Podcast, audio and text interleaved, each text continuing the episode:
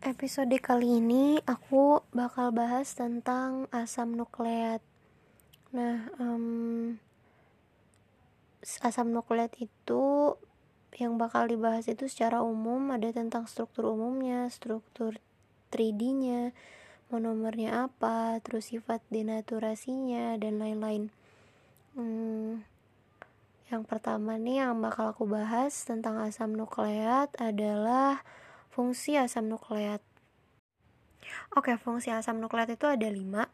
Yang pertama dan yang paling utama juga eh, asam nukleat yang di DNA dan RNA itu berfungsi sebagai mm, informasi genetik yang mana kita tahu DNA dan RNA adalah materi genetik.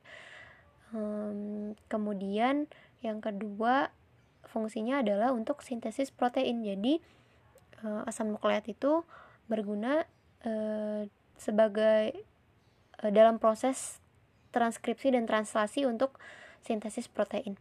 Kemudian yang ketiga uh, asam nukleat sebagai molekul berenergi tinggi ini contohnya ada ATP. Jadi ATP adalah suatu asam nukleat RNA adenosin trifosfat yang mana dia terlibat dalam suatu proses metabolisme untuk menghasilkan energi dengan cara hidrolisis dengan melepaskan gugus fosfatnya menjadi adenosin difosfat. Nah, adenis, adenosin difosfat itu masih bisa lepas lagi e, melepaskan energi dengan melepaskan gugus fosfatnya pada reaksi hidrolisis menghasilkan adenosin monofosfat yang mana adenosin monofosfat adalah suatu molekul yang udah berada di uh, energi paling rendahnya. Nah, kemudian yang keempat fungsi regulasi. Jadi uh, in asam nukleat itu menyatakan tingkat energi dari sel seperti yang tadi udah aku ceritakan dia itu terlibat e, regulasi ketika ATP-nya itu memberikan energinya dan terhidrolisis. Nah, e, energinya itu dipakai untuk e, untuk regulasi. Nah, kemudian ketika nanti sudah mm, terbentuk energi paling rendahnya yang tadi aku bilang adalah adenosin monofosfat, dia akan membentuk siklik Nah, si uh, molekul-molekul AMP yang membentuk siklik nantinya akan memberikan sinyal untuk mengaktifkan banyak proses untuk kembali mendapatkan energi A ATP yang sudah habis tadi. Itu ketika dalam sel udah banyak AMP membentuk siklik, kemudian mengaktifkan banyak proses regulasi untuk mendapatkan energi. Kemudian yang kelima, fungsi asam nukleat yaitu e, sebagai kofaktor dalam bentuk turunannya. Jadi turunan asam nukleat itu ada kayak NAD, FAD, koasetil enzim itu adalah kofaktor untuk reaksi redoks yang mana bertindak sebagai penerima dan pemberi elektron. Itu contohnya ada NAD dan FAD. Selanjutnya yaitu struktur umum e, dari asam nukleat. Jadi e, kita tahu kan kalau misalnya DNA, RNA itu asam nukleat itu terdiri dari tiga bagian. Jadi nomornya adalah asam nukleat yang mana asam nukleat ini terdiri dari e, tiga bagian yaitu ada bagian basa, gula, dan fosfatnya. Nah bedanya RNA sama DNA itu kalau misalnya RNA e, itu ribonukleotida. Jadi dia merupakan e, suatu asam nukleat yang menggunakan gulanya itu adalah ribosa. Nah, eh, kemudian gugus fosfatnya itu ada di C nomor 5 dari gulanya. C aksen nomor 5, 5 aksen. Nah, jadi untuk gula dia itu e, penomorannya memakai aksen. Jadi satu aksen, dua aksen, tiga aksen dan seterusnya. Nah, untuk basanya dia terikat pada CA nomornya nomor satu aksen. Untuk DNA itu adalah deoksiribonukleik asid yang mana deoksi itu artinya ada pengurangan oksigen di C nomor 2 dari ribosa dua aksen dari e, gulanya. Jadi makanya namanya e, deoksiribosa jadi untuk e, e, kalau misalnya DNA adalah deoksinukleotida di nomor 3 aksen terdapat gugus fosfat. Kalau RNA adalah ribonukleotida yang mana di nomor C5 aksen terdapat gugus fosfat. Nah, yang berbeda itu jadi perbedaannya ada dua ya untuk DNA dan RNA. Yang pertama adalah letak gugus fosfatnya. Kalau RNA di nomor 5, kalau DNA di nomor 3. Yang kedua struktur gulanya. Kalau misalnya e, struktur gula untuk e, RNA adalah ribosa, struktur gula untuk DNA adalah deoksi ribosa yang mana pengurangan oksi pada C nomor 2. Nah, untuk e, bagian selanjutnya dari monomer asam nukleat yaitu kan tadi udah tentang gula ya. Yang kedua itu ada tentang basa. Jadi basa nitrogen dari EDN dan RNA itu ada dua jenis yaitu purin dan pirimidin. Purin itu terdiri dari dua cincin siklik kemudian pirimidin itu satu siklik nah e, dua-duanya itu sifatnya aromatis nah basa-basa nitrogen ini terikat pada gula e, di CA nomornya jadi nomor satu aksen dan membentuk ikatan N glikosidik satu aksen anomer. Ikatannya itu tergantung pada basa nitrogen. Kalau misalnya purin e, maka ikatan N glikosidiknya itu ada di N di posisi nomor 9 kalau di pirimidin ikatannya itu ada di N nomor 1 kemudian untuk DNA basa nitrogennya itu ada 4 yaitu adenin, sitosin, guanin, dan timin kalau RNA basa nitrogennya itu juga 4 juga uh, adenin, sitosin, guanin, urasil. Jadi bedanya DNA dan RNA juga terdapat pada basa nitrogennya. Kalau DNA itu timin, uh, kalau RNA itu urasil. Nah, timin itu sendiri adalah uh, urasil yang termetilasi. Nah, um, untuk uh, bahasa-bahasa ini ya, penjelasan lebih lanjutnya itu ini sitosin itu bisa berubah menjadi urasil. Nah, kalau misalnya sitosinnya berubah jadi urasil di DNA, berarti dia mengalami kesalahan. Jadi e, terjadi mutasi. Nah, untuk melakukan pencegahan supaya dia tidak berubah jadi urasil, dilakukan deaminasi sitosil. Nanti e, si urasilnya ditambah metil supaya berubah menjadi timin. Secara total, DNA dan RNA itu punya 5 jenis basa nitrogen ketika basa nitrogen sudah berikatan dengan gula, namanya bisa berubah jadi nukleosida. Nah, e, jadi nukleosida adalah gula yang berikatan dengan basa nitrogen. Nah, kalau e, basa nitrogen purin itu ada adenosin dan guanosin. Itu adalah basa nitrogen yang terikat dengan gulanya. Kalau pirimidin namanya sitidin dan timidin.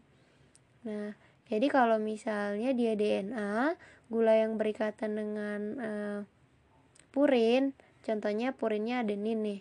Berarti namanya berubah jadi deoksiadenosin atau deadenosin.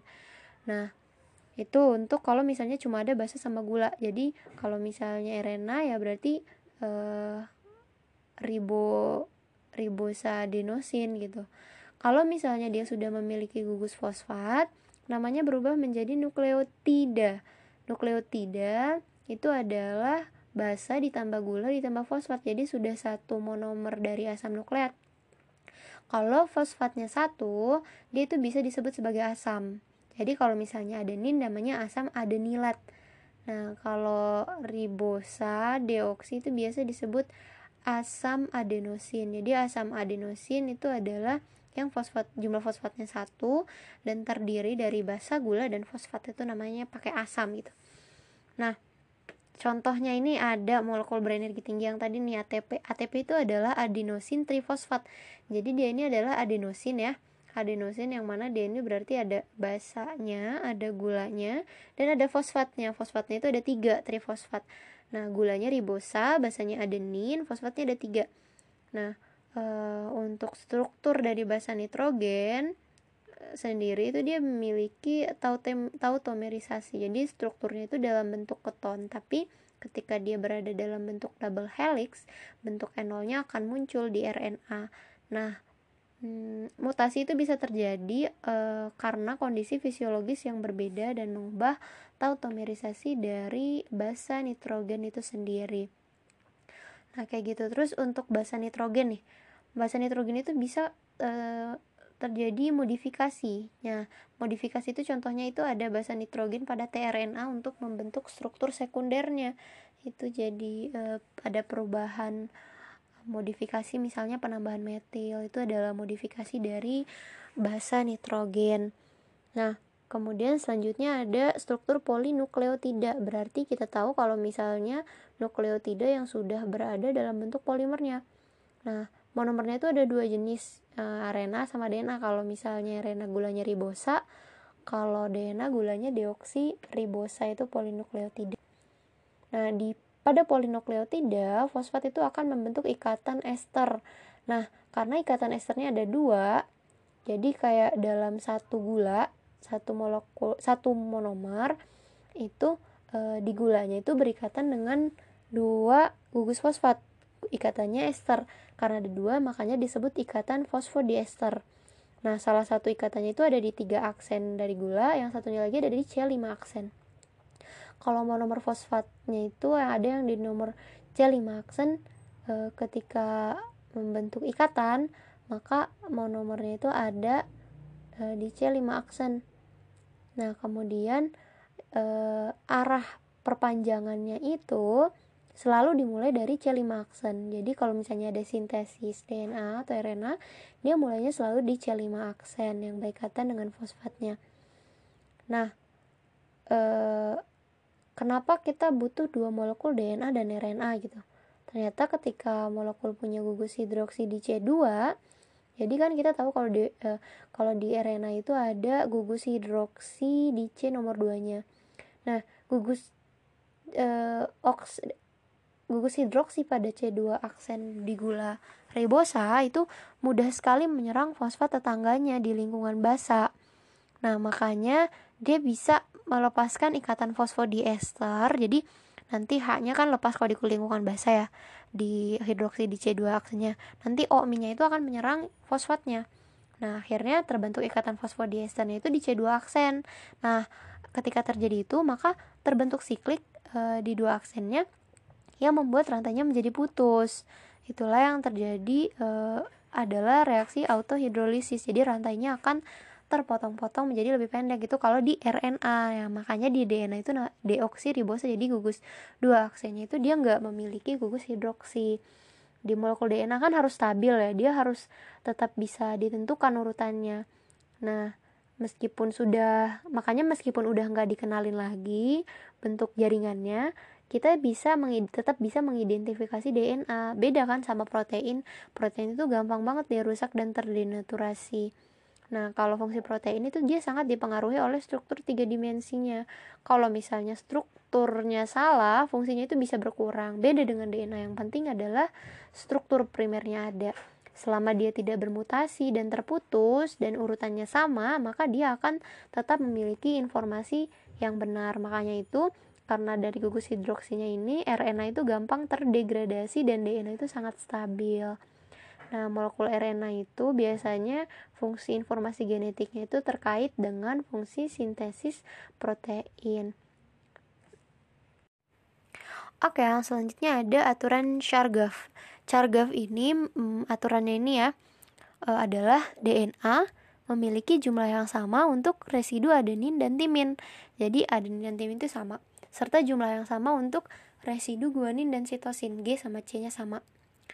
Chargaff ini dia menganalisis jumlah basa nitrogen. Jadi dia melakukan penelitian pada beberapa organisme, kemudian dia menentukan kalau DNA-nya itu persentase adenin itu sama selalu sama dengan timin dan guanin itu sama dengan sitosin jumlahnya. Berarti disimpulkan bahwa uh, dia ini pasangan berarti si adenin sama timin itu pasangan makanya di jumlahnya sama dan guanin dan sitosin e, pasangan juga nah tapi ternyata dia ini tidak terjadi pada semua organisme ter hanya terjadi pada organisme dengan double stranded DNA. Jadi DNA-nya itu uh, double untai, dua untai.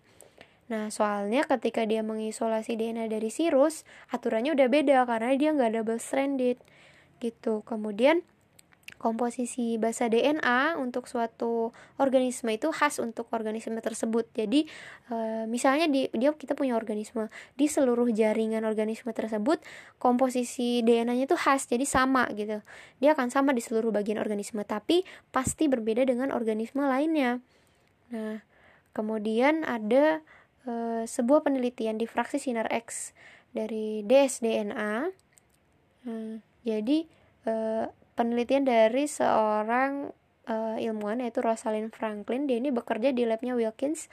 Dia itu berhasil menemukan gambar dari dia berhasil mengkristalkan DNA kemudian uh, terdapat gambar uh, difraksi uh, sinar X-nya. Nah dia itu mengidentifikasi adanya helix yang mana di tengah-tengahnya itu ada pasangan basa nitrogen kemudian yang di ujungnya itu gula. Nah ketika dua untai berpilin harusnya dia tidak membentuk dua unta yang rapi. Nah, selanjutnya itu kan terlalu rapi ya untuk uh, difraksi sinar X dari DNA itu terlalu rapi. Akhirnya penelitian dari Rosalind di labnya Wilkins ini dilanjutkan oleh Watson dan Crick yang kemudian dia berhasil menyelesaikan bentuk struktur DNA tuh kayak gimana dia berhasil menyimpulkan. Nah, si uh, uniknya nih si Crick, si Watson dan si Wilkins ini dia dapat uh, Nobel dia ada meraih Nobel. Rosalinya itu enggak kenapa? Karena ketika hadiah Nobel diberikan Rosalinya itu sudah uh, meninggal. Jadi uh, hadiah Nobel hanya bisa diberikan kepada orang yang masih hidup. Nah kemudian uh, untuk struktur bDNA. Jadi bDNA adalah struktur DNA double helix ya double strandednya yang ada pada uh, umumnya itu sel ada dalam bentuk bDNA. Nah, uh, jadi untuk strukturnya itu jarak antara dua untai jadi uh, dua untai dari ujung fosfat ke ujung lainnya dalam satu uh, dalam satu jaraknya dalam satu polinukleotida itu 20 angstrom. Satu putarannya itu tiap 10 basa. Jadi setiap 10 basa baru dia berputar.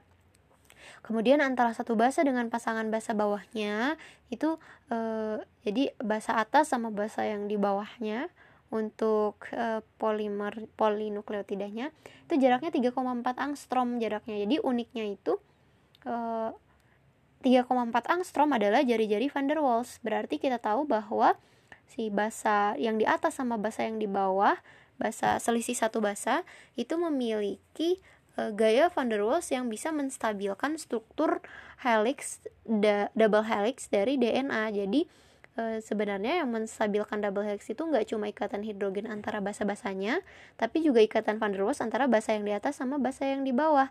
Antara satu pasang basa nitrogen dengan basa nitrogen di bawahnya. Dan van der Waals justru uh, dia memberikan Eh, kontribusi lebih besar dibandingkan ikatan hidrogen. Jadi interaksi van der Waals ini yang menyebabkan molekul air itu akan susah masuk ke tengah-tengah helixnya karena e, sifatnya tuh hidrofobik ya kalau van der Waals.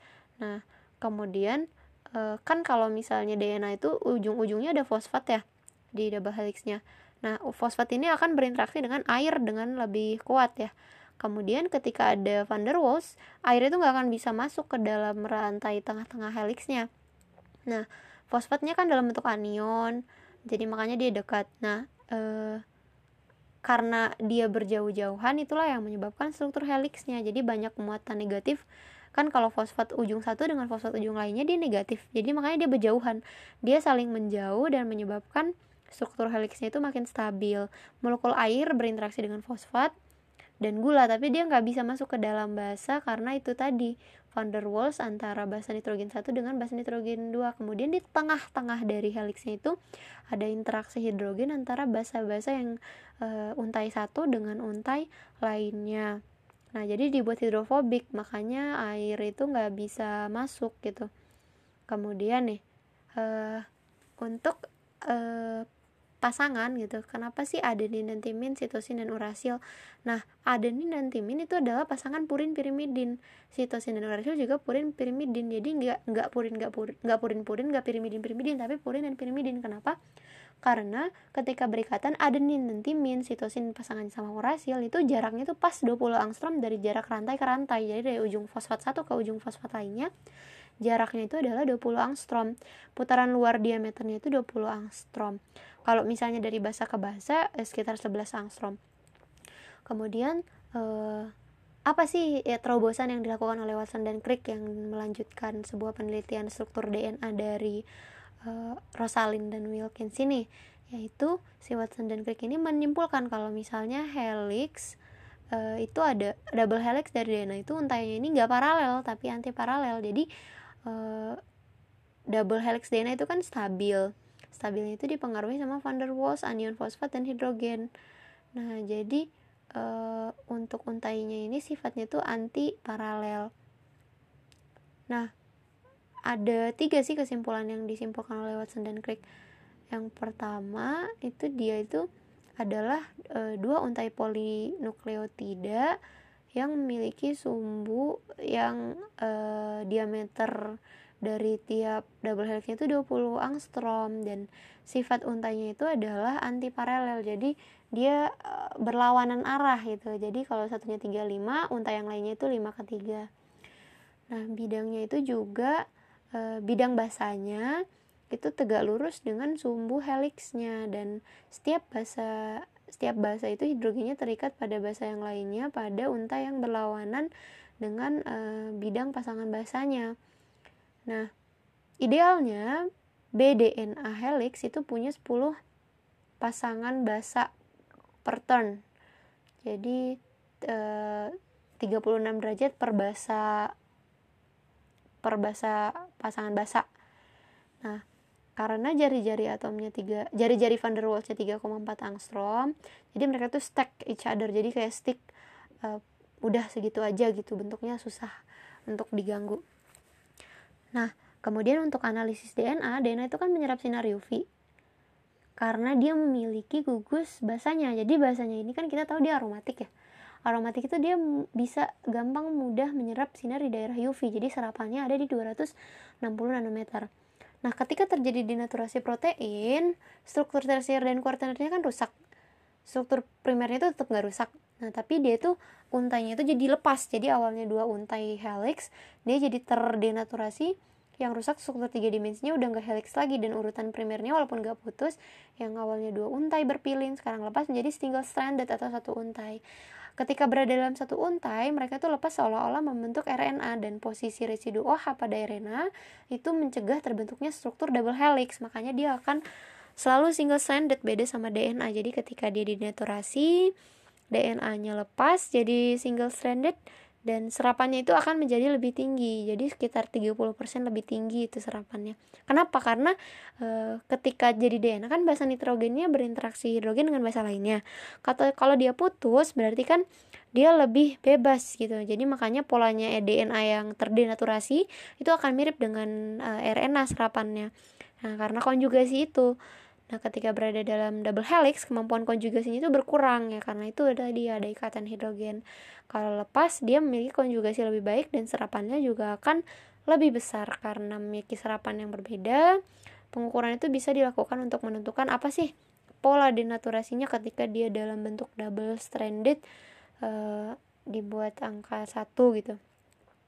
Nah, denaturasi uh, eh, DNA kan terjadi perubahan ketika double stranded berubah ke single stranded. Ini terjadi dalam range suhu atau rentang suhu yang sangat cepat gitu. Jadi ketika dia terbuka, dia terbukanya dengan cepat rantainya. Dia membentuk single stranded. Kemudian dari sini kita kenal suhu leleh atau melting point yaitu suhu ketika posisinya itu ada di tengah-tengah. Jadi seolah-olah separuhnya double he separuhnya double helix, separuhnya lagi dari DNA itu adalah uh, udah bentuk satu untai dari fragmen DNA-nya. Nah, inilah yang menjadi prinsip dari PCR atau polymerase chain reaction. Jadi didasari dari proses replikasi. Yang penting adalah kita tahu ketika kita tahu melting point-nya, uh, ketika kita udah tahu titik ketika posisi DNA-nya masih setengah nilai double stranded-nya, nilainya itu jadi karena kan kita tahu ya kalau misalnya jumlah DNA itu pasti beda-beda dan komposisinya itu pasti beda-beda. Uh, nah makanya kita bisa tahu kalau misalnya um, ikatan hidrogennya udah lepas dia akan menghasilkan sinyal yang beda dan uh, kita bisa nentuin itu tuh uh, eh, DNA dari apa gitu. Karena komposisinya beda dia pasti melting pointnya juga akan beda gitu dan uh, itu tuh sangat dipengaruhi sama urutan uh, basa hanya G dan C aja karena dia kan ikatan hidrogennya tiga ya banyak gitu jadi ketika dia lepas dia signifikan gitu perubahannya makin besar persen GC dia makin besar uh, titik titik lelehnya atau melting pointnya karena dia makin susah kan dia dilepas makin banyak gitu ikatan hidrogennya nah DNA dalam sel mayoritas itu ada dalam struktur B double stranded DNA. Dia juga bisa membentuk struktur lain yaitu struktur A dan struktur Z. Nah, ketika membentuk struktur A dia tuh lebih miring dan diameternya lebih lebar jadi struktur A itu akan terbentuk kalau jumlah molekul air di sekitar sekitar double strandednya itu kurang. Jadi kenapa struktur A? Karena muatan negatif pada fosfatnya itu kan udah nggak berinteraksi ya. Jadi muatan fosfat yang tersolvasi eh, tadinya muatan fosfatnya tersolvasi oleh air. Kalau ada air, ada tolakan antara satu fosfat dengan fosfat lainnya kan semakin besar dan menjadi lebar-lebar, putarannya lebih mampat. Struktur A itu terjadi kalau misalnya pada proses replikasi. Jadi B itu bisa berubah menjadi A. Struktur A juga e, terbentuk untai DNA berpasangan dengan RNA saat transkripsi. Ada e, hybrid satu untai DNA yang bertemu dengan satu untai RNA ketika terjadi transkripsi tersebut. Nah, saat itu terbentuk double stranded B, tapi struktur A karena adanya gugus e, hidroksi dan akan menyerupai dengan struktur A.